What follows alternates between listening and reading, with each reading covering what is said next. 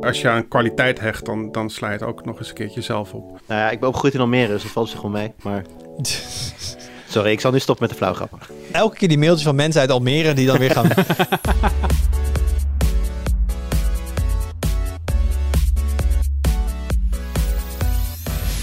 Hoi, leuk dat je luistert. Welkom bij de Tweakers Podcast. Mijn naam is Wout en vandaag zit ik in de podcast met Willem de Moor, Hey.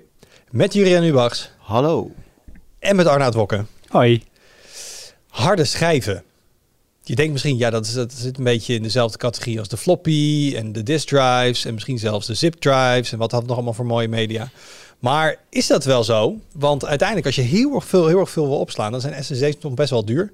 En collega Willem die is eh, in, in de wereld van de harde schijven gedoken. Daar komt binnenkort ook een uitgebreid verhaal over online. En daar gaan we het ook zo een beetje over hebben. Om te kijken, ja, wat heb je nog aan die dingen? En zit er nog technologische vernieuwing in? Het antwoord eh, is ja. Dat kunnen we denk ik alvast een beetje spoileren. Bedankt voor het Ah, luisteren. spoiler. Bedankt voor het luisteren. Ja, nee, maar we hebben nog niet gezegd wat eh, de verandering is. Dus daar moet je blijven luisteren. Ik ben trouwens jullie baas. Maar- Ik weet niet of jullie het al doorhebben. Maar ik eh, ben eh, in, het, in, in de enige afgezonderde office eh bij ons op de redactie gaan zitten. Dus eh, ik denk dat dan de regels voorschrijven dat ik op dit moment jullie baas ben. Nou ja, prima. Dan ga ik jou zo meteen een loonsverhoging vragen. Ehm dat is helemaal niet leuk hoor, baas zijn. Maar voordat we over de harde schijven gaan praten, gaan we even naar de highlights. Nou Jur, dan ga ik jou gewoon, omdat je de baas bent, dan neem ik aan dat je als eerste mag goede voorbeeld praten. geven. Nee, dat is absoluut waar. Ehm, dan moet ik heel even spieken, want ik wil nog wel eens wisselen van, eh, van de highlight. Even kijken wat ik ook weer... Oh ja, ja, nee. ehm, ik weet niet of jullie op de hoogte zijn van het feit dat ehm, eh, sportieve mensen tijdens de Olympische Spelen meerdere sporten beoefenen dan secte dingen die wij eh, op, de- op camera zien. Namelijk, Hmm. eh, ze doen ook wel de horizontale dans veelvuldig met elkaar. Mhm. En dat wordt wat lastiger, want eh, er kan eh, aankomende eh, spelen door de Nederlandse sporters in ieder geval niet zomaar getinderd worden. En dit is een kleurrijke manier om te vertellen, dat, is, dat was natuurlijk al bekend, dat ja, de Nederlandse afvaardiging geen eigen hardware mee mag nemen naar de Olympische Spelen in Beijing.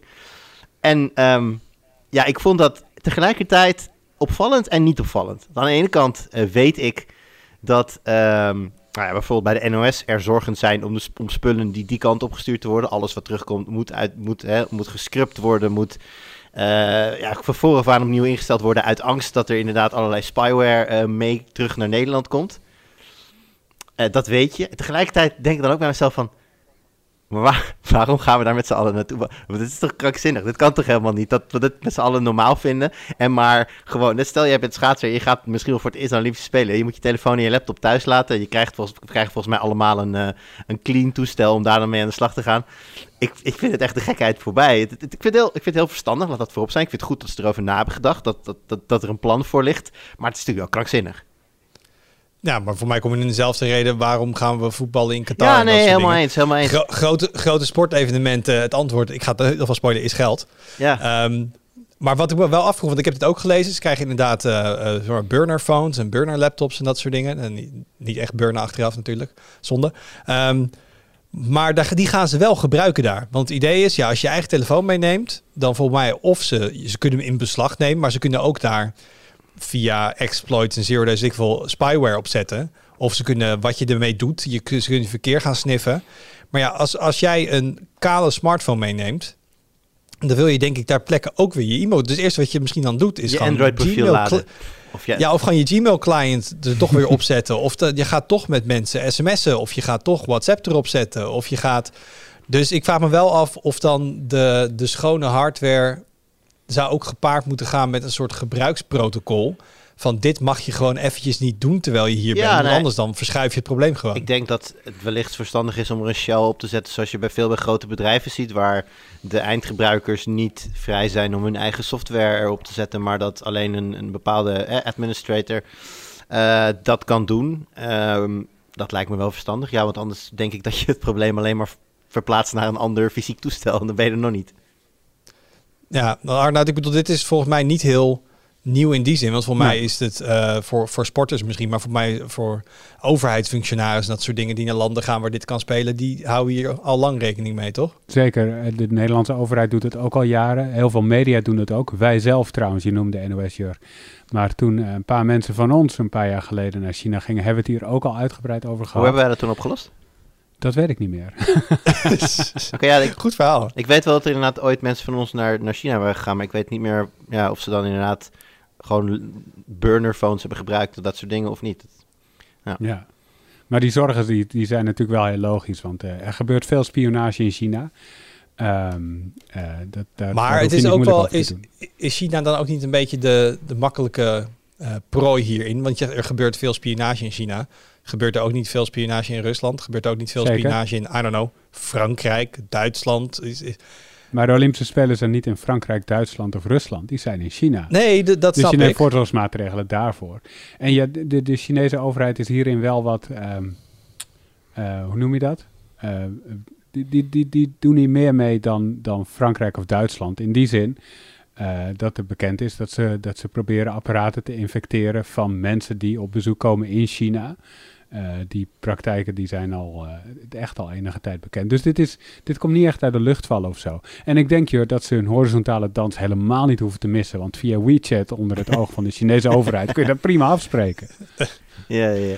Nou ja, goed, nou, wat- wat je zegt klopt, Arnoud. Wat zeg ik in die, in, die zin? eh, ik zei al, het was, het is, ik vond het en opvallend en niet opvallend tegelijk. Want Ja. inderdaad, wat je zegt, we weten dat dit al jaren aan de hand is. Maar ja, zo eens in de zoveel tijd eh, komt het dan weer omhoog. En, en ook op een manier dat de hele mainstream het meekrijgt. En natuurlijk de Olympische Spelen, ja, veel groter wordt het natuurlijk niet. Dus ja, ik las dit en ik dacht, ja... Het is toch wel. eh, maar goed, Wout, wat jij terecht zegt. van hetzelfde laken en pak kunnen we het over het WK voetbal in Qatar hebben. Dat is zeker waar. Ja, en nogmaals, als je dus eh, echt er zeker van wil zijn dat jouw eh, devices niet gesnoept worden of zo, dat, dat geldt denk ik voor heel veel. Als jij een belangrijk persoon bent, dan zijn denk ik maar weinig landen waar je niet hierover na moet denken tegenwoordig. Eh, wat ik zeg, als, als, als hoe heet zo'n ding? Die gebruiken ze al bij de Amerikaanse, een SCIF volgens mij, is een afkorting, maar dat is een soort van van een kooi van Faraday tent. Ik bedoel, als de president van Amerika ergens heen reist en ze moeten gewoon een, een overleg hebben wat een bepaalde clearance heeft, dan wordt gewoon zo'n room within the room wordt eerst opgezet en dan gaan ze erin zitten. En volgens mij doen ze dat net zo goed in China, maar ook in andere landen. Eh, want als je het gewoon zeker wil weten, dan, eh, nou ja, dan, dan kunnen ze je overal wel, wel vinden. Aan de andere kant, eh, Wout, stel je voor je bent vijf kilometer schaatser en je gaat naar Beijing. Ik noem maar even een dwarsstraat. Wat is dan precies de interesse van de Chinese overheid in zo iemand? Dat weet ik ook niet. Ik bedoel, dat is geen president van Amerika. Nee, volgens mij hebben wij, ik, heb het niet, ben, ik volg het schaatsen niet heel erg. Maar Joe Biden mij is Joe bij. Biden geen kandidaat op de vijf kilometer. Nee, dat zou ik ook niet weten. Of misschien toch dat ze dat willen infecteren en dan komt iemand ehm, in Nederland weer. Hè, dan heb je misschien een huldiging ergens of zo, een ja. belangrijke hote methode. Ik wil kijken maar hoe Stuxnet uiteindelijk rondging. Of dat je vaker met, met spyware ziet. ja. Ja, Dus, geluk eh, bij een ongeluk in die zin is natuurlijk dat de coronacrisis nog, nog eh, vrolijk voortwoedt. En wij een eh, laagte-record aan, aan, aan afvaardiging gaan sturen als het gaat om functionarissen. Volgens mij hebben de, teams ook hele strenge regels op wat er allemaal mee mag qua coaching en ondersteuning. Dat is allemaal heel beperkt. Eh, we sturen de, de, volgens mij, de, de, de koning gaat ook niet die kant op. Eh, geen, geen politici die gezellig op de tribune gaan zitten. Dus ja, dat, in die zin is dat in dit geval geluk bij een ongeluk. Want ja, dat scheelt natuurlijk wat kopzorgen op het gebied van, van eventuele spyware en dat soort dingen. En ik denk uiteindelijk dat eh, de coronaregels, de isolatieregels voor de sporters ter plekke, dat zal de grootste barrière zijn dat ze niet de horizontale salsa kunnen dansen. Eh, en niet zozeer denk ik dat ze niet op, eh, op Tinder kunnen. Ja. Voor mij moeten die mensen ook heel vaak linierecht naar de hotelkamer en dan eh, Ik, ik, lekker verga- ik afwachten. vergat even dat iedereen zich houdt aan de coronaregels. Nee, tuurlijk. tuurlijk. Nee, maar daar gaan we van uit in onze modellen en prognoses eh, hier. Ja. Alright. Arnoud. Ja, ik, eh, ik wou het hebben over iets heel anders. Namelijk, ehm, er, is, er is deze week iets heel raars gebeurd. Iets wat ik echt in de jaren dat ik in, in de techjournalistiek werk nog nooit eerder heb meegemaakt. Ik ben de baas geworden bij Tweakers. Spannend. Ja, inderdaad. Dat heb ik ook nog nooit Nee, dat is zeker waar. Dat is zeker waar. Maar ik doelde toch op iets anders. Eh, Samsung, toch niet de minste, had een eh, evenement aangekondigd voor eh, 11 januari. Dat was afgelopen dinsdag. Voor de aankondiging van een nieuwe Exynos SOC. Waarschijnlijk de 2200, de eerste met AMD GPU aan boord. Hartstikke leuk. En dat hele evenement ging... eh, ja, ik zou willen zeggen, is gecanceld, maar het is ook niet gecanceld. Ze kwamen gewoon Het zelf gewoon- er is gewoon niks niet gebeurd. opdagen. Ja, er gebeurde de hele dag niks. Op 30 december deden ze een soort teaser video de deur uit. Met de belofte van op 11 januari gaan we dit doen. Video erbij. Eh, zo van nee, de- de- de- de- eh, met, een, met een slogan en alles. Dus kortom, ze stonden helemaal klaar om die sok aan te kondigen. En dat is, dat is gewoon niet gebeurd dinsdag. Ze zijn gewoon niet komen opdagen Zij op een dachten eigen gewoon, als wij het gewoon niet doen en gewoon het laten zitten, zouden mensen het dan merken. Ja, precies. Alsof niemand het in de agenda had gezet. Van, oh, dat is wel interessant om te volgen. dus dat, was, eh, dat is helemaal niet doorgegaan. En de bedoeling is kennelijk nu om dat tegelijk te doen met de volgende eh, eh, eh, aankondiging van een high-end telefoon van Samsung. Dus tegelijkertijd met de telefoon waar die in zit. Laten we aannemen dat dat de Galaxy S22 wordt. Dan gebeurt dat alsnog over minder dan een maand of zo. Maar toch, Maar hebben ze gezegd waarom ze dan dit niet door lieten gaan? Nee. Ehm, en er zijn wel wat speculaties over. Ze zeiden zelf, het heeft niks met prestatieproblemen te maken. Er waren wat verhalen over dat ze de GPU niet op de kloksnelheid kregen die zij graag wilden. Ehm, Maar dat los je namelijk ook als er dingen in de, in de volgende Galaxy-telefoon zitten. Dat ga je ook niet oplossen in drie weken. nee, dat lijkt me ook niet. En het, het is ook zoiets, je kan hem prima aankondigen zonder dat je de kloksnelheid noemt. Want ik kan me niet herinneren dat Qualcomm van zijn GPU's ooit een kloksnelheid heeft genoemd. Dus de, de Samsung zou dat ook prima zonder kunnen doen, denk ik. En dan kan je alvast wel van alles vertellen over hoe goed die sok wel niet is. En wat die allemaal kan op het gebied van camera en AI en Machine learning. precies. Al die dingen die zou je al kunnen vertellen, maar ze hebben toch voor gekozen om dat niet te doen. Blijft een beetje vaag voor me. Maar k- kan, kun jij je dat wel herinneren, Wout? Is dat ooit zoiets voorgekomen? Dat er een persmoment is aangekondigd en dat... Nee, maar niet dat het... Wel dat het gecanceld is. Kijk, voor Mhm. mij wat hier wel is... Zat niet echt een, een, een, een, een tijd en een livestream al klaarstaan volgens mij. Dat was het niet. Nee. Ik denk dat we wel vast wel eens gezien hebben. Ik kan me even geen voorbeeld bedenken. Dat ze zeiden, oké, we gaan dan iets aankondigen, maar het is uitgesteld of het is gecanceld. Maar het zat natuurlijk tussen een echte aankondiging en een beetje een teaser in. Als ze gezegd hadden, ehm, het wordt donderdagmiddag vijf uur middags en er gebeurt niks om vijf uur middags, dan is het nog raarder. Nu was het een paar weken van tevoren, "Oh, die dag hou hem in de gaten, want we gaan wat zeggen. Ehm, maar nee, er staat maar zo geen voorbeeld bij dat dat, eh, dat, dat gebeurt. Maar eh, even de, hoe, hoe is hierop gereageerd dan? Hebben we eh, bij de, misschien een beetje een meta-discussie, maar bij de collega-journalisten het idee, is dit heel raar? Zijn mensen, eh, snappen ze niks meer van? Wordt nu Samsung eh, opgebeld en gemaild van waar ben je in groot mee bezig? Of komen ze, quote-unquote, ermee weg? Ik weet niet wat ermee wegkomen in dit verband precies betekent. Het is eh, zeker opgemerkt. Ik heb het op veel plekken voorbij zien komen. Ik heb veel mensen, vooral op Twitter, waar veel media mensen komen, erover zien praten. Ehm, dus ja, het is zeker opgevallen. Ehm, ik denk niet dat het dan, dat het dan iets dat het terugslaat op Samsung of zo. Zo werkt dat nou ook weer niet. Maar ik denk wel dat hun hele persbox vol met vragen staat. Van, hé, er zou toch een evenement komen waar, waar blijft die? De datum is voorbij. Ja. Zou het niet iets met iets van quarantaine te maken kunnen hebben of zo? Want de- ik las dat er een heleboel Koreaanse topmensen eh, van CES besmet terugkwamen met corona. Eh, Oeh, Oh, dit is... eh, dat is wel, dat heb ik ook gelezen. inderdaad, Terwijl ze juist, Ze hebben 70 precies. besmettingen. Een deel, een deel is nog in Vegas gevonden. Maar een heel deel is ook al teruggevlogen naar Zuid-Korea. Dus Korea- Zuid-Korea, die, eh, het is daar crisis. Want die hebben natuurlijk heel hard hun best gedaan om het allemaal buiten de deur te houden. Ja, en nu is het eh, eigenlijk al soort van ongecontroleerd. Want je kunt ervan uitgaan dat die mensen natuurlijk in het vliegtuig weer... met- of op de luchthavens mensen hebben aangestoken. Onderweg naar huis wellicht. Dus Zuid-Korea heeft wel een probleem, ja. ja, ze, hebben daar een soort zero-covid-beleid. Ehm, en en ja, dat hadden natuurlijk niet kunnen voorzien dat mensen een CS gingen en ziek terug zouden eh, komen. on- maar, onmogelijk. ja, Ja. maar of zoals, dat- of zoals dat- Willem het zei op Slack, surprisepikachu.jpg. Inderdaad. Ehm, misschien wel. Ik bedoel, als de mensen die hiervoor in een stream zouden moesten figureren, als die inderdaad nu in quarantaine zitten. En misschien, dat is namelijk ook wel een beetje lullige reden om mee naar buiten te komen. Misschien van, oh ja, oeps, we zijn toch naar de CES geweest en nu zijn mensen ziek en nu redden we het niet. Het is ook niet de, meest, ja, je komt niet de meest snugger over als je als dat als reden moet communiceren. Dus, dus misschien wel, dat zou misschien ook kunnen. Ja, klinkt, klinkt wel logisch. Dat is inderdaad precies wat er is gebeurd tussen 30 december en 11 januari. Dus ja, ja, ja. Het, het zou zomaar houden kunnen. daarop. Willem, wat is jouw highlight? eh, we krijgen allemaal meer geld. Nou, top. Mooi. Kijk, hey, ik, Ga kijk Niet weer omdat, omdat Jur de baas is, maar ehm, Va- nee, 10 minuten had ik ehm, nodig, jongens. 10 minuten. Als je, als je zonnepanelen hebt, eh, bestaat de kans dat het, eh, dat het afbouwen van het salderen eh, een jaar uitgesteld wordt. Dat is in ieder geval het advies van het ministerie aan eh, de, van eh, Economische Zaken en Klimaat aan eh, de nieuwe minister.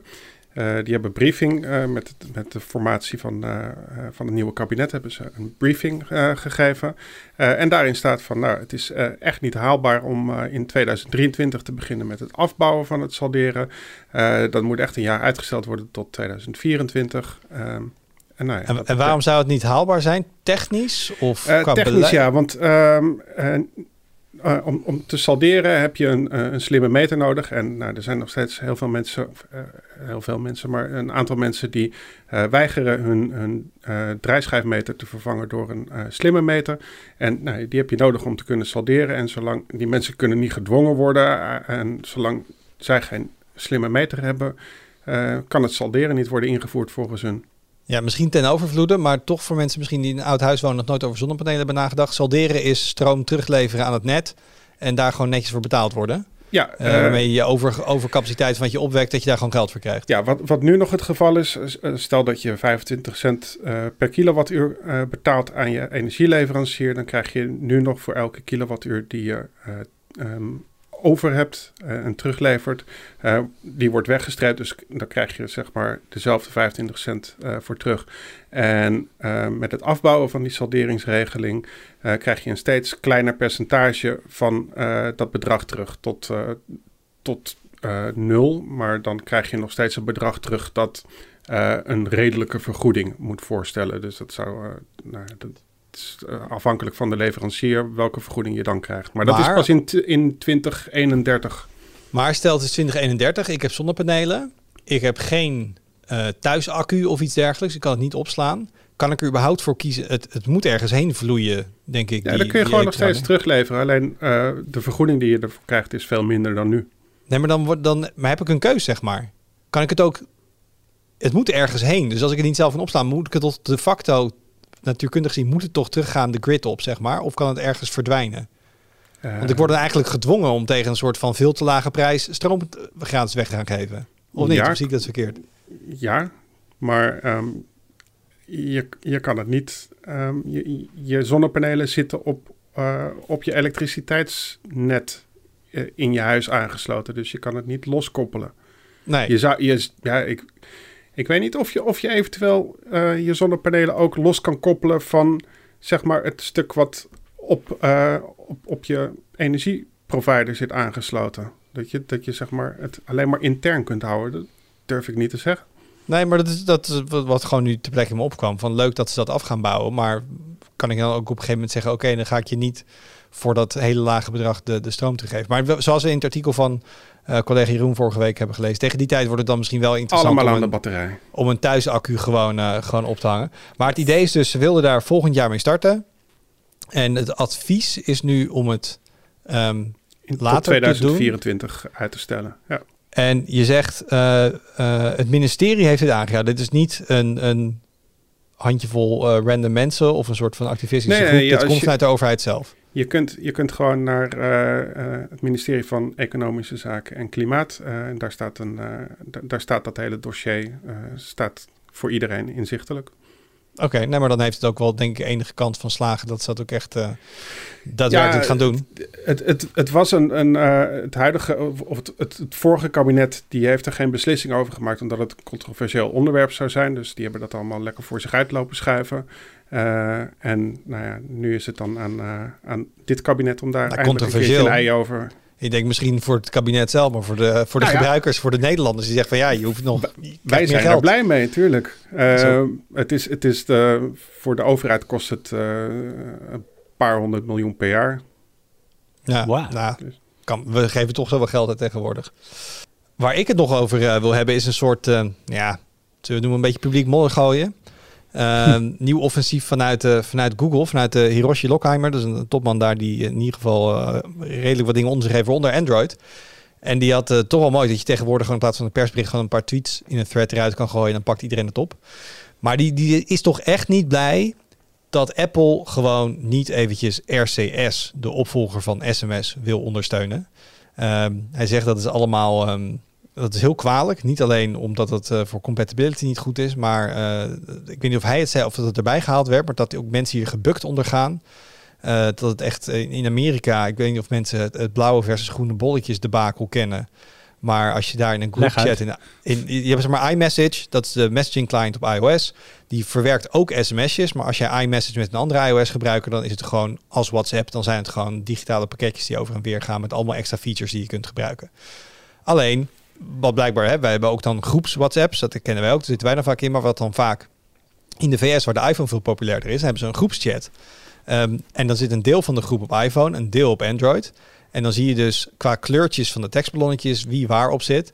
En als jij dus, voor mij is het een green bubble, dan zit je op Android, Arnoud, heb ik dat wel? Volgens mij wel, ja. Dan heb je dus minder features. Dan zien mensen niet dat je aan het typen bent. Dan kun je niet alle toffe eh, plaatjes eh, goed doen en dat soort dingen. Dus je bent een soort tweederangs ehm, burger als je in een groepschat in Amerika niet het goede kleurtje hebt. Ehm, en dat zou Apple kunnen oplossen door bijvoorbeeld RCS ook te ondersteunen in iMessage, want daar zitten heel veel van die features wel in. RCS is een, een standaard, voor mij in 2008 ergens al door de telecomindustrie bedacht. Ja, inderdaad. Ehm, als de opvolger van SMS, waarbij je dus, ehm, hè, eh, en de opvolger van MMS, waarbij je dus hoge resolutie plaatjes kan meesturen. Je hebt dus typing indicators, eh, read receipts, nou allerlei verschillende soorten dingen die we nu normaal vinden, ook in andere messaging clients. Ehm, en ze kwamen dus met een, met, met een heel relaas van ja, eigenlijk eh, Apple, waarom doe je dit nou? En eh, het is ook gewoon voor de maatschappij beter als ze dit doen. En het viel me op dat nou, ten eerste zo'n tweet ehm, opgepakt wordt eh, links en rechts. Ik bedoel, wij hebben er ook wel over geschreven, want het is wel een interessante ontwikkeling. En Arnoud, jij volgt deze markt beter dan ik. En, want voor mij was het een haakje om weer even, oh ja, RCS, dat was een ding. Eh, Google zet daar veel ehm, eh, effort achter en nou, veel, ehm, veel operators, veel telecomproviders ondersteunen dit nu ook.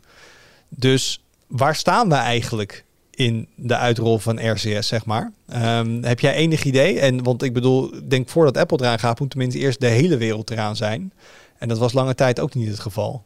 Ja, het staat, het staat er wel redelijk voor. Ik moet zeggen, ik ben er de afgelopen maanden niet meer ingedoken. Maar ik had het idee dat eh, Samsung het nu standaard in zijn berichten-app heeft geïntegreerd. En Google ook.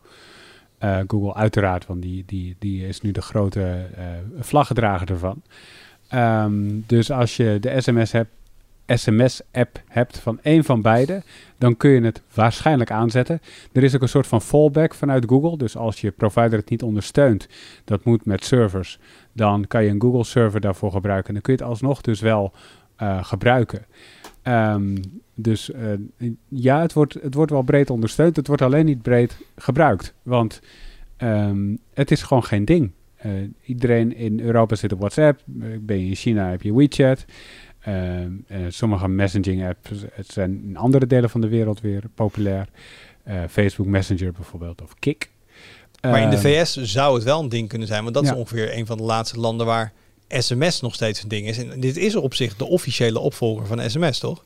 Ja, klopt. En het is ook inderdaad wel het enige land waar dit in deze mate speelt. En dat komt ook omdat eh, eh, Apple, heel wel bewust trouwens, dat bleek uit die rechtszaak tegen, tegen Epic vorig, eh, vorig jaar, heel wel bewust dit, dit zo heeft ingezet. Dus het feit dat je iMessage alleen kan gebruiken op Apple-apparaten.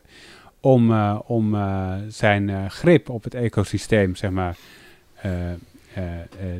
hoe noem je dat? Om mensen binnenboord te houden. Ja. ja. Eh, en, en dat merk je nu ook. En dat was iets waar eh, Lockheimer ook op terugkwam. Dat, dat er nu eh, middelbare schoolkinderen kennelijk echt worden gepest als ze niet een iPhone hebben. Omdat ze gewoon die bepaalde functies niet kunnen gebruiken. Ehm, en dat snap ik ergens wel. Daar zit een soort van groepsdruk achter waar pubers, denk ik, bovenmatig gevoelig voor zijn. En dat werkt nu tegen Google. Dus ja, het is logisch dat ze hierop, eh, dat ze hierop gaan hameren.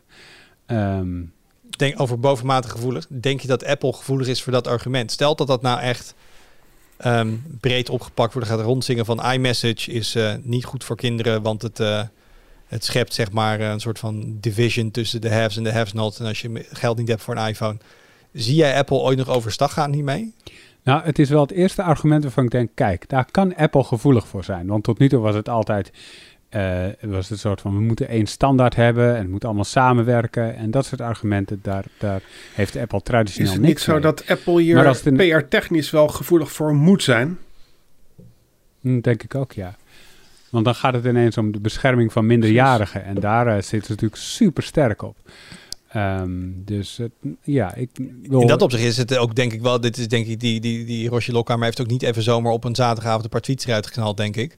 heel het is wel ook echt ja. wel, dit is met een goede marketingafdeling bedacht, goh, welk argument kunnen we doen? Hij wacht, als tegen Apple zeggen dat het voor het welzijn van jonge kinderen is, daar kunnen ze niet op tegen zijn. Precies. Ja. Maar wat je zelf zegt uit die documenten uit die Epic-rechtszaak, ze zijn zich er heel erg van bewust. Het lock-in effect van, van Ja. iMessage. En eh, Apple is aan de ene kant heel erg begaan met gebruik. Aan de andere kant is zijn grootste hobby op een berg met geld zitten. en die berg steeds groter maken. Zeker. Ehm, dus dan zit je wel between a rock and a hard place, zeg maar. Ja. Want het is wel je grootste wapenfeit. En ik vind dat interessant, want wij snappen dat niet. Maar je ziet wel discussies op Reddit ook erover vanuit Amerikaanse gebruikers. Die ook echt zeggen van ja, ik heb op een gegeven moment gewoon maar een iPhone gekocht. Ik vind Android fijner, maar het is zo'n gedoe met groepschat, met familie en vrienden. En je voelt je gewoon constant, voel je gewoon die, die, die loser die er niet bij hoort, zeg maar. Dus dan koop ik maar een iPhone. Dat is natuurlijk best wel bizar dat het zo ver kan gaan bij sommige mensen. Ja, en laten we het dus omdraaien. Stel je voor, vanaf eh, volgende week werkt WhatsApp niet meer op iOS. Om de een of andere reden. De- maakt niet uit waarom. Het werkt niet meer op iOS. Hoeveel mensen denk je dat er nog iPhones kopen? Stappen we met z'n allen over? Of zijn we zo locked in dat mensen hun iPhone afdanken en dan maar een Android-telefoon kopen? Nou, dan gaan de iPhone-mensen opeens tegen Android-mensen zeggen... hey, Telegram, ken je dat? Of Signal? Of mag ik met je sms'en? Of en dan als de Android-gebruikers zeggen... nee, ga maar gewoon lekker op WhatsApp. Nou, Maar dat is nu al aan de hand. Hè? Ik ken meerdere mensen die eh, zo goed en kwaad als dat gaat... eh, afscheid hebben genomen van al hun Google services. Een aantal zijn er wel weer van teruggekomen, want het is in de praktijk echt lastig vol te houden. Maar die wil is er wel bij heel veel mensen. Dus, en ja, een aantal van hen gebruikt ook inderdaad Apple, omdat nou, Apple natuurlijk eh, in ieder geval naar eigen zeggen privacy in, hoger, in het, hoger in het vaandel heeft staan. Eh, nou, daar ook wel dingen in doet die, waar- waarbij je kunt zeggen iOS is daar beter voor geschikt dan, dan Android. Ja, die, jongen, die, jongens die zeggen het ook tegen mij van... joh, eh, lekker, lekker iMessage gebruiken. Ik heb al die andere dingen helemaal niet nodig. Ja, inderdaad, dan heb je een vriendengroep... waar inderdaad een, hele, een heel deel op Android zit... en zul je toch eh, ergens een, een, gedeelde eh, app moeten vinden. Maar ja, zonder WhatsApp leven kan natuurlijk wel. En ja, als je, ik denk serieus dat als WhatsApp helemaal uit iOS zou gaan... dat ik dan ook wel geneigd ben om juist naar Apple te gaan... om te zorgen dat ik al de, alle iOS'ers niet verlies die niet gaan overstappen. Ja, dat is meer een soort waiting game, een soort staring game. Kijken of zij eerder een Android kopen of jij eerder een, Ja, een ja. iPhone. En dit, dit werkt trouwens... Dit is trouwens alleen een ding in de, in de Verenigde Staten. Want dat, dat las ik ook. Dat volgens mij onder de 21 jaar of zo, echt bij de jongeren... dat Apple een marktaandeel heeft van meer dan 70% of zo, dacht 88. echt Ja. bizar. Bij ons is het gewoon van, tuurlijk heb je, is iPhone populair. En tuurlijk zijn er veel mensen met iPhones. Maar er zijn ook echt heel veel mensen. Ja, we zitten natuurlijk ook, wij zitten ook weer in een bubbel. Maar juist de doelgroep die het eigenlijk allemaal niet kan betalen, nog niet zoveel eigen geld heeft, dat die dan zeg maar de allerduurste telefoon ongeveer die er, nou, er zijn die wat foldables en zo, maar in ieder geval een iPhone is wel up there qua prijs. Ehm, dat is natuurlijk een bizar marktaandeel in die doelgroep. Ja, Ja, niet alleen, niet alleen Noord-Amerika volgens mij. Want volgens mij, die, eh, je hebt zo'n jongen op YouTube die dan eh, in, in zes maanden tijd een totaal een taal kan leren. En dan naar, dus naar bijvoorbeeld een Afrikaans land gaat en dan in die taal eh, met mensen gaat praten. En dan maakt hij dan YouTube-filmpjes van. En ik zat dat toevallig te kijken. En die mensen gingen hem dus opnemen, want ze herkenden hem van zijn filmpjes. iPhone, iPhone, iPhone. Dit, dat was Nigeria. Dus even, het, het is gewoon, ja, ik zal niet zeggen wereldwijd, want eh, Azië, Azië is natuurlijk een ander, eh, ander speelveld.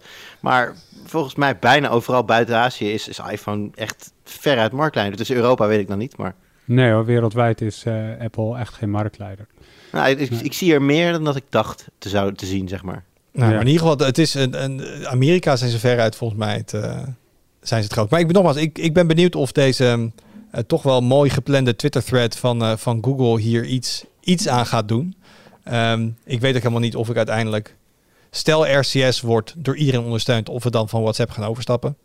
Het is nog niet end-to-end encrypted in alle gevallen. Eh, je kan aan WhatsApp makkelijker features toevoegen dan aan ehm, eh, een standaard als RCS. Dus het voelt ook als een beetje de ship has sailed. Maar ik ben wel benieuwd of met, met het eh, maar the children argument, of, of ze daar wel een eindje mee gaan komen. Ben benieuwd. Alright, hard drives. Wie heeft hier thuis hard drives? Hand omhoog. Willem Ja, heeft een hand in een omhoog. podcast. Arnold heeft een hand omhoog.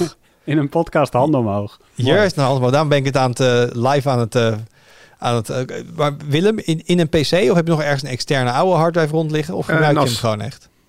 In een nas. In een NAS, Arnoud? Ja, ik heb, eh, ik heb hier nog een, een, een defecte PC staan waar er nog een paar in zitten. Daar wil ik nog iets mee, want daar staan nog dingen op. En eh, ja, voor de rest eigenlijk niet zoveel, denk ik. Maar dat waren in elk geval twee. Dus ik denk, ik kan mijn hand al Hier? opsteken. Ja, same. Ik heb inderdaad ook nog harde schijven eh, los, denk ik, liggen. Die ooit in PC's hebben gezeten. Waarvan ik denk, die moet ik nog even aan een PC of laptop koppelen. En eh, even kijken wat er allemaal op staat en ergens backuppen. En ik heb ook nog gewoon echt designed externe harde schijven liggen met daar nog dingen op. Oh ja, die heb ik ook. Ja, nee, ik heb, ik heb nog een, een, een 2,5 inch externe drive ergens liggen waar ik eigenlijk niks meer mee doe. Maar als jouw Ehm, vraag is, gebruik je ze in de dagelijkse praktijk? Ehm, ik stel even ook diep na te denken, dat weet ik niet meer. Of er in, eh, in de, de huidige eh, eh, game review kast die ik gebruik, of daar nou harde schijven of SSD zit. Ik denk SSD's, maar dat weet ik eigenlijk niet meer uit mijn hoofd. Dat zou, dat zou zomaar kunnen. En maar jij, het, het is, eh, ik heb nog een oude externe 2,5 inch drive liggen. Ehm, die gebruik ik eigenlijk vrijwel nooit, maar ik heb hem ergens. Dus als ik ooit nog een keer een externe schijf nodig heb, zou ik die kunnen gebruiken. Ehm that's it. Ja, ik heb niks. SSD's. Ja, bij mij ook wel mijn, mijn systemen zijn. zijn deze- zelfs mijn, eh, mijn thuisserver heb ik, eh, omdat ik niet enorm veel opslag nodig heb. Ehm, je hebt van die mensen die zeg maar 16 terabyte thuis hebben en zo. Dat heb ik niet. Ik heb er vier.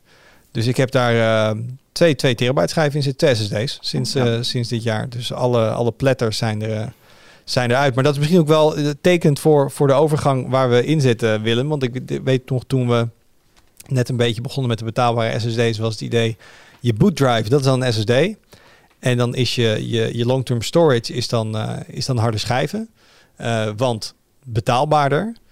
Hoe, hoe is dat zeg maar... Waar staan we nu in, in die switch, zeg maar, het laatste jaar bijvoorbeeld? Ik bedoel, vanaf welke...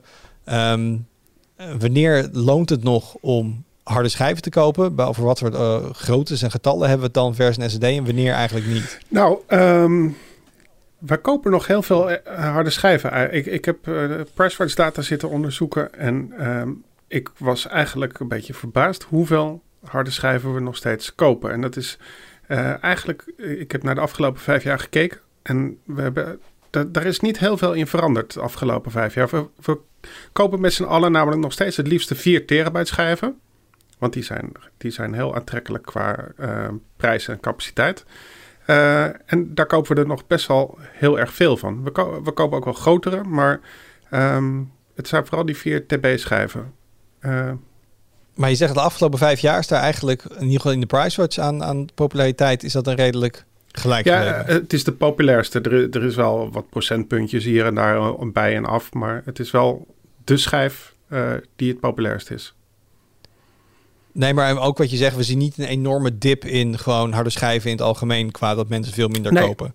Het is nog steeds wel, eh, wel we kopen zelfs populair. eh, nu meer harde schijven dan een paar jaar geleden. dat is wel bizar, want wat, wat Jur net zegt, die, die, die, oh ja, ik zit nu alleen maar op SSD's, Arnold heeft nog wat liggen, ik heb het de deur Het uitgedaan. enige wat ik ook kan bedenken, wie dat koopt, is, is mensen die meteen vier schijven kopen voor een, voor een NAS of, of meer. En ik denk ook dat daar Ja. die sweet spot zit van die, van die 4 TB. Want eh, vier schijven van 100 euro is, eh, is aantrekkelijker dan één schijf eh, van, van 400 euro bijvoorbeeld. Eh, ehm, in de zin van, als je een, een 16 terabyte schijf koopt, dan heb je maar één schijf. Heb je geen redundancy voor je, voor je NAS. Dus je, dat is wat minder makkelijk te kopen, zeg maar. Ik kan me voorstellen, kijk even naar Jur, eh, misschien weet jij dat. eh, hoe normaal was slash is het om zeg maar de ingebouwde harddrive van je gameconsole te upgraden? Dat je zegt, ja leuk, dus ik heb een 512 gig PlayStation, maar ik wil al die games installeren. Ik kan er veel groter in hangen natuurlijk.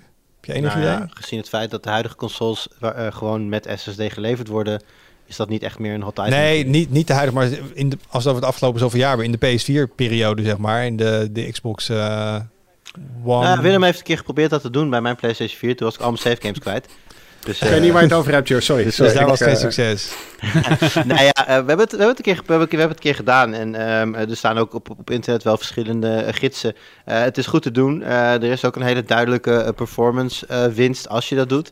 Ik weet even niet meer uit mijn hoofd dat exacte eh, laadtijden winst waren. Maar echt wel gewoon eh, door de helft in, in, in sommige games. Dus het, eh, levels die twee keer zo snel inladen, dat soort dingen. Ja, ik heb Maar dat is, dat, is, dat is SSD, zeg maar. Ik bedoel, meer zou het, zou, omdat Willem zegt, ook eigenlijk, groter maken. eigenlijk verkopen we die dingen nog steeds. Wat ik denk, ja, waarom kopen mensen dan die dingen? Zou het een ding zijn om eh, gewoon meer storage aan je, je console Ja, toe dat te doen mensen. Dat wordt ook wel gedaan. Want het, hey, de games worden natuurlijk steeds groter. Je hoort eh, mensen meer klagen over. Als je bijvoorbeeld eh, een Warzone update is al snel eh, 60, 70 gigabyte. En die moet je dus. Die ruimte moet je dus in eerste instantie al hebben om überhaupt die update te kunnen, te kunnen plaatsen. Als je dan, wat, was de, wat was de oude interne harde schijf van de PlayStation ook alweer? Nou, ik weet het niet eens meer, maar Ik denk, ik denk je met rond- 512 koopt, zoiets. ja, 5, 12 gig, zoiets. Ja, dat is natuurlijk super weinig. Eh, dus ja, nee, uitbreiden wordt zeker ook gedaan. Ehm, maar hoe normaal dat is, dat durf ik je niet, niet te vertellen. Ik weet zeker dat het gedaan wordt, maar ja, of iedereen of niemand, dat, ja. Nou, misschien dan toch dat mensen het vooral kopen voor, eh, voor thuisopslag en, en dat soort zaken. En je zegt, Willem, 4 terabyte is dan heel populair, maar wat, wat, wat hebben we gezien? Want voor mij kun je al 20 terabyte kopen. Zo. Is dat meer een soort van, van kijk eens, dit kan technisch ook? Of zijn dat dingen die ook daadwerkelijk betaalbaar zijn en, en logisch in gebruik en ook aan te raden? Eventueel? ja, aanraden, dat mag je helemaal zelf weten. Ik sta er altijd een beetje in als je eh, een harde schijf met van 4 terabyte eh, kwijtraakt door een defect of wat dan ook. Dan ben je 4 terabyte aan data kwijt. Als je er eentje van 20 terabyte stuk ziet gaan, dan ben je net iets meer data kwijt. Vijf, vijf keer zoveel. als Volgens vol mij ook. Nou, d- dat, ehm, het is ook eh, als, je, eh, als je hem in een NAS gebruikt en je wil iets gaan, eh, iets gaan rebuilden, dan kost het je enorm veel tijd met een 20 eh, terabyte array dan, dan wanneer je 4 terabyte schijven gebruikt. Dus dat is ook wel een, een factor. Ik denk dat dat allemaal veel meespeelt in waarom dat 4 terabyte nog steeds zo populair is. Ehm, Ja, en de vraag is ook een beetje hoeveel, want ik denk dat grote schijven toch voor de meeste mensen gebruikt worden, ook voor backuppen van dingen en grote files. En hoeveel backuppen wij tegenwoordig nog lokaal? Kijk, kijk even naar Arnoud bijvoorbeeld. Heb, heb jij lokale backups van alles wat jij belangrijk vindt? Foto's, filmpjes, dat soort dingen? Ja, die heb ik. En, eh, en die staat ook op een harde schijf. Ik zat al net te zoeken naast me. Eh, eh, ik heb hier ook een, eh, een, een backup schijf inderdaad daarvoor. Speciaal met die reden. Hij is ook nog eens 4 terabyte, dus ik val keurig, keurig, de mainstream. keurig.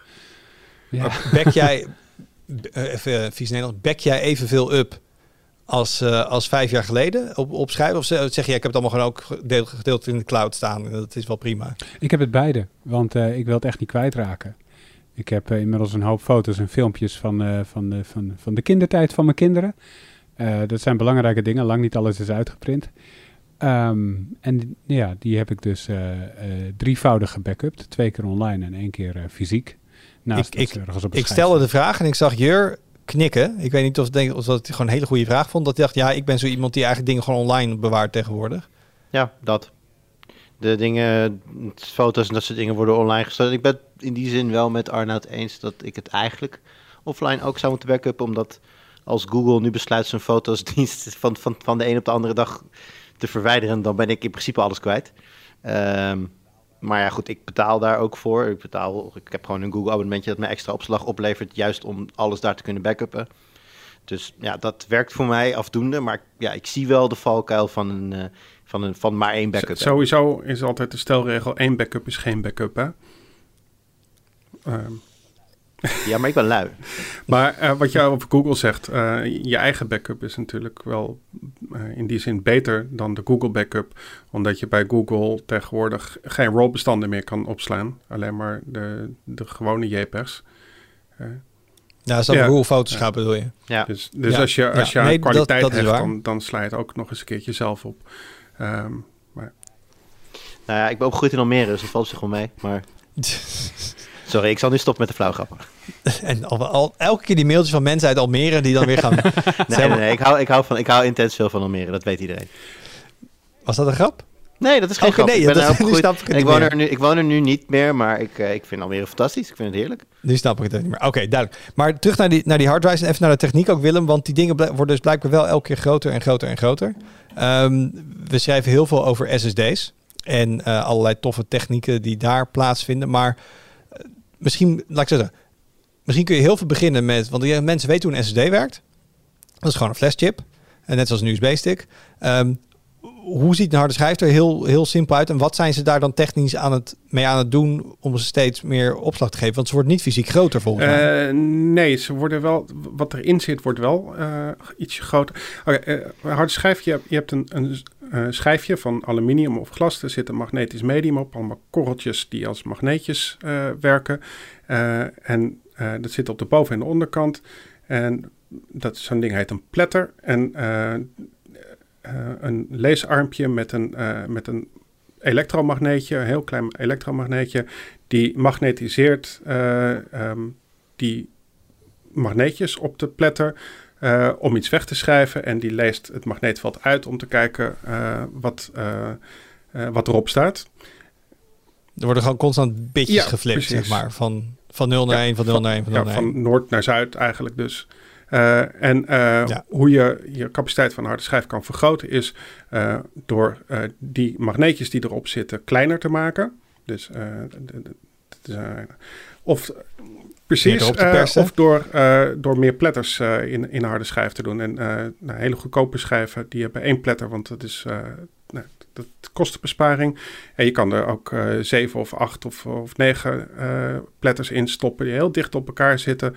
En dan moet je ook weer met helium gevulde harde schijven hebben, omdat anders de luchtweerstand te groot is en, en dingen tegenaan knallen. De, de leeskoppen crashen op de harde schijf. Dat wil je allemaal niet.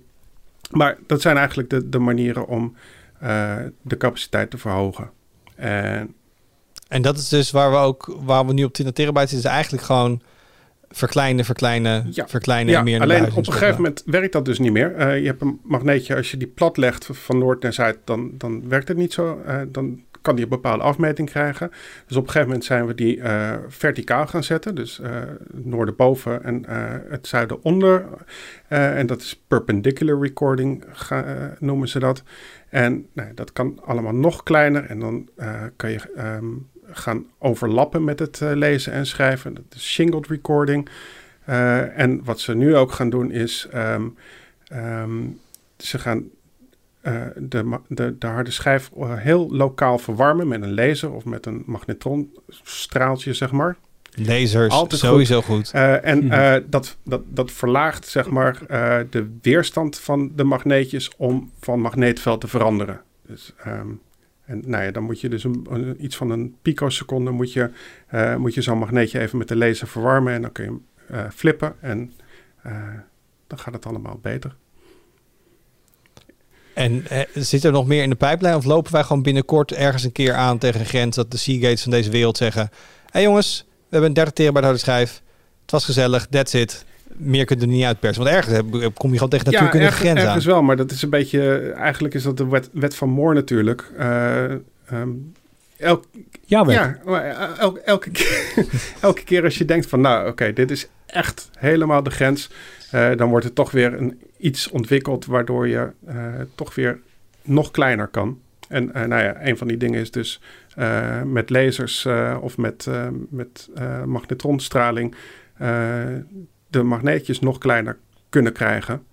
En nou ja, wat, wat uh, fabrikanten als Seagate of, of Western Digital nu denkt, is dat we binnen een jaar of vijf tot tien tot de 60 terabyte kunnen. Dus.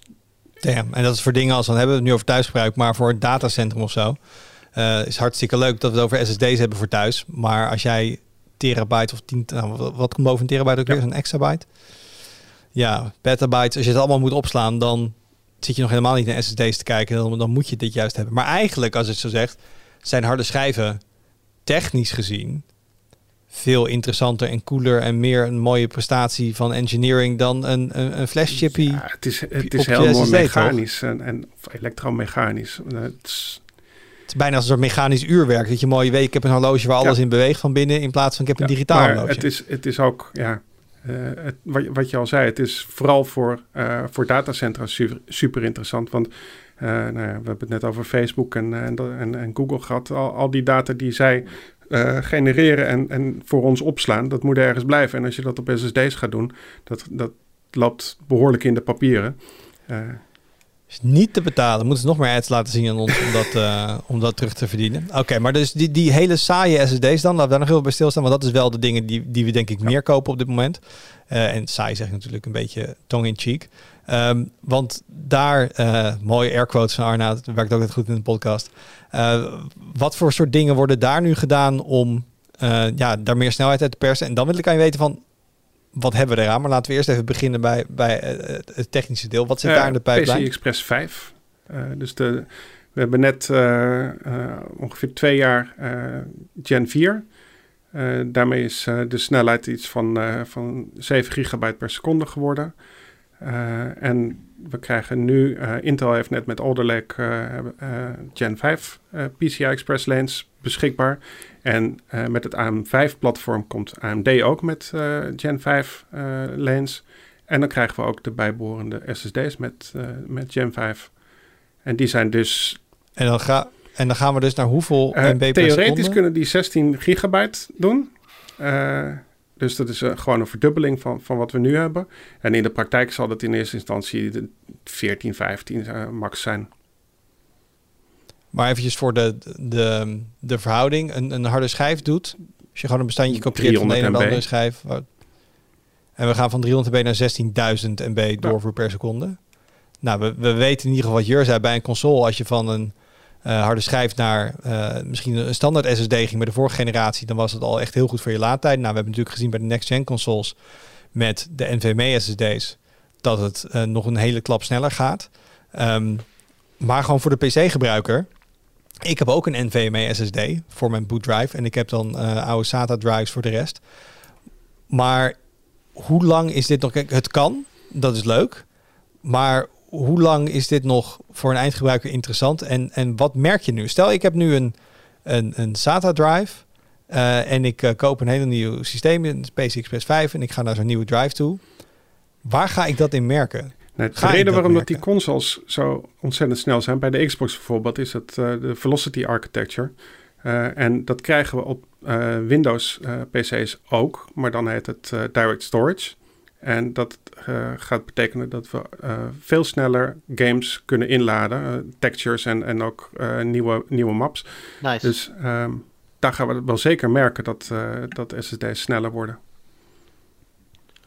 Nou, maar dat is dan, dan iets bij gaming. Maar laat ik zo zeggen, waar als ik een PC gebruik, het valt me soms op als ik soms gewoon mijn browser aanklik, dan duurt het wel eens twee, drie seconden voordat het window verschijnt. Is dat dus laadtijd related of zit er in een OS altijd dingen waar je op zit te wachten? Dus wat, niet wat werkgeheugen vooral?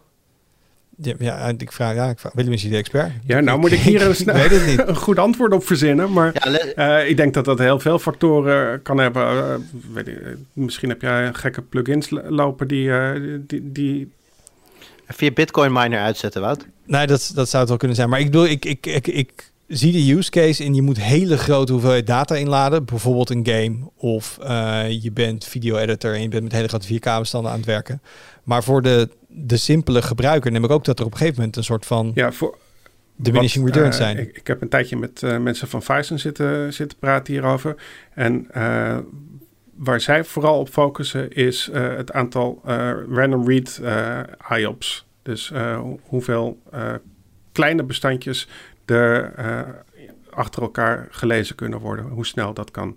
En dat is een van de belangrijkste factoren die ervoor zorgt dat een systeem lekker vlot aanvoelt. Dus als je.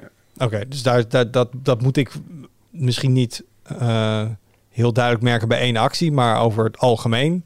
Dat moet gewoon lekker, ja, lekker vliegen daardoor. Sowieso, als je jouw Windows besturingssysteem, wat die de hele tijd op de achtergrond doet, dat wil je niet weten hoeveel bestandjes er continu worden gelezen en weggeschreven en gedaan. En uh, die, die sequential snelheden van, uh, van een SSD, van, waar, we net over hadden, 14 gigabyte per seconde. Maar wanneer, wanneer ben jij 14 gigabyte per seconde uh, aan het wegschrijven? Kopieer je elke, elk uur een DVD of, of, of een Blu-ray? Van, ja, naar mijn nas, waar maar de Ja, maar dat doe, je, dat doe je volgens mij niet de hele dag door. En wat je wel de hele dag door doet, is al die kleine bestandjes. En dat, is, dat maakt het grootste verschil waarom een systeem lekker vlot aanvoelt. Ja, wanneer gaat dit Ja. op de markt komen? Dat, dat nieuwe Eh, Gen 5 spul? De SSD's die moeten ergens rond juni, juli op de markt eh, verschijnen. Oké, dus dan heb jij al een, een, een dingetje Dan, in je eh, agenda gezet dat jij lekker gaat reviewen en testen. En, champagne en al dat soort dingen staan. Daar word, eh, daar word jij helemaal blij van. Alright, eh dankjewel. Dan wil ik nog eventjes vooruitkijken naar wat er nog allemaal komen gaat. Er, er is iets volgende week, Arnoud, Jur, wat, wat, eh, help, help me even. Er was iets Welke, met- welke aflevering van de podcast is dit, Wout? Ik zal even in mijn, eh, in mijn linkerbovenhoek kijken. Dit is 199. Volgende week is het dus 200. En eh, niet dat we daar iets heel erg speciaals mee doen, maar... Maar, maar... Maar misschien toch wel eventjes bij stilstaan. Ja, Want dat is, toch wel, toch dat wel. is toch wel een mijlpaal voor een paar gasten die gewoon zeiden... hier moeten we gewoon iets mee gaan doen. Zeker. En we, we gaan gewoon naar een webshop en we halen gewoon wat microfoons. En ik weet nog zelfs de eerste aflevering was staand aan een tafel in de oude Tweaker Studio Ja, in ja, ja, Amsterdam-Noord. Ja. Eh, en we hebben heel veel combinaties van microfoons en, en oh, hadden ook van die, van, die, van die spatschermen ervoor want dat stond heel professioneel. Ehm, maar dat was eigenlijk toch irritant en dat deden we niet. En Jur laatst ook een keer, de highlights waren ooit ook ehm, hele korte highlights van een Ja. paar minuten met een hoofdonderwerp. En dat is ook allemaal een beetje doorgeëvalueerd met z'n allen. Dus daar kunnen we volgende week zeker eventjes, ehm, daar gaan we zeker wel eventjes bij, eh, bij Ja, ik, hoop ik, ik hoop dat ik erbij ben, dat weet ik nog niet zeker. Want ik krijg precies volgende week woensdag eh, zonnepanelen op mijn dak. En dat gaat op een gegeven moment ook wel gepaard, eh, gok ik zomaar, met eh, ja, dingen waar mijn aandacht bij nodig zijn. En eh, waar wellicht de stroom ook eraf moet. Misschien En moeten wij ook maar even kijken of we dan misschien wel op de dinsdag moeten opnemen of zo. Want het is natuurlijk wel leuk als, eh, als er met z'n drie bij zijn. Dus als je er vanaf aflevering 1, bij was, eh, kudos. Leuk Dankjewel, dat je de, dankjewel. Ik was er je- vanaf aflevering 1 daadwerkelijk bij. ja. God, ja, jij, jij ook. Van jou vind ik het ook wel leuk. Dus dat is sowieso aflevering 200 volgende week. Eh, nou, inderdaad, eh, als je nou eh, helemaal al opgewarmd bent door Willem over harde schijftechnieken en, en kleine, kleine bitjes die geflipt worden en, en lasers, vooral lasers. Ja, wel van lezers. Dan komt er dit weekend een, een achtergrond over harddrives komt er online. Ook iets wat ik de laatste keer voor de laatste keer in Amsterdam Noord heb gezien. Toen hadden we een review vijf jaar geleden van mij van een, een all-in-one PC van Corsair. Toen waren all-in-one PC's volgens mij, eh, nou all-in-one, nee, er zat geen scherm in, maar gewoon een PC ready build. Eh, daar is voor mij nu een, een opvolger van, als ik het goed heb, Willem. Voor mij is collega Thomas daar druk mee bezig. Dus daar een uitgebreide review van. Want het is toch ook op dit moment, als jij iets wil met een videokaart, kun je soms beter maar gewoon een kant-en-klare PC kopen waar die al in zit. Want dat is ongeveer de enige manier om voor een normaal bedrag Of een tweede eh, hypotheek. ja. een videokaart te bemachtigen. Of, of een tweede hypotheek, inderdaad. Dus dat komt eraan. Ehm, we hebben eh, Intel moederborden roundup, want nieuwe Intel CPU's is nieuwe moederborden. En eh, er is een nieuwe HDMI-standaard. Dus dan zetten we altijd Joris weer aan het werk om te proberen uit te zoeken wat er nu weer allemaal niet logisch is en aan klopt. En welke features optioneel zijn en welke features niet optioneel zijn. Eh, dus die is druk bezig met een stuk over HDMI 2.1a. Eh, ik, ik, eh, ik zeg maar, I'm not getting my hopes up dat dat nu opeens een standaard is die wel klopt van voor tot achter. Ehm, dus ik hoop dat- het ook niet, want anders heeft hij weinig om over te schrijven. Precies, dus het feit dat hij al in de planning staat, betekent dat het weer zo'n verhaal wordt waar je even wat uitleg bij nodig hebt. En die gaan we hier gewoon geven. Dat eh, de HDMI-standaard blijft gewoon standaard uitbrengen en wij blijven hier vertellen, samen met de USB-jongens, ehm, hoe het dan weer echt zit. Nu ik het zeg, willen misschien moeten we ook maar weer eens gaan kijken naar de USB-standaard. Ja, want dat is ook zo lekker dingen. duidelijk. Precies, en dan heb je 3.2, maar dat wordt dan eigenlijk 4.0 versie 1. En dan hoe, hoeveel ze daar dingen kunnen rebadgen, dat is wel, eh, dat is wel een kunst. Oké, dankjewel jongens. Dankjewel voor jullie, eh, jullie bijdrage. Dankjewel voor het luisteren of voor het kijken. Heb je nou feedback? Laat even een berichtje achter of geef ons even een seintje via podcast.tweakers.net. En tot volgende week, tot nummer 200. Doei.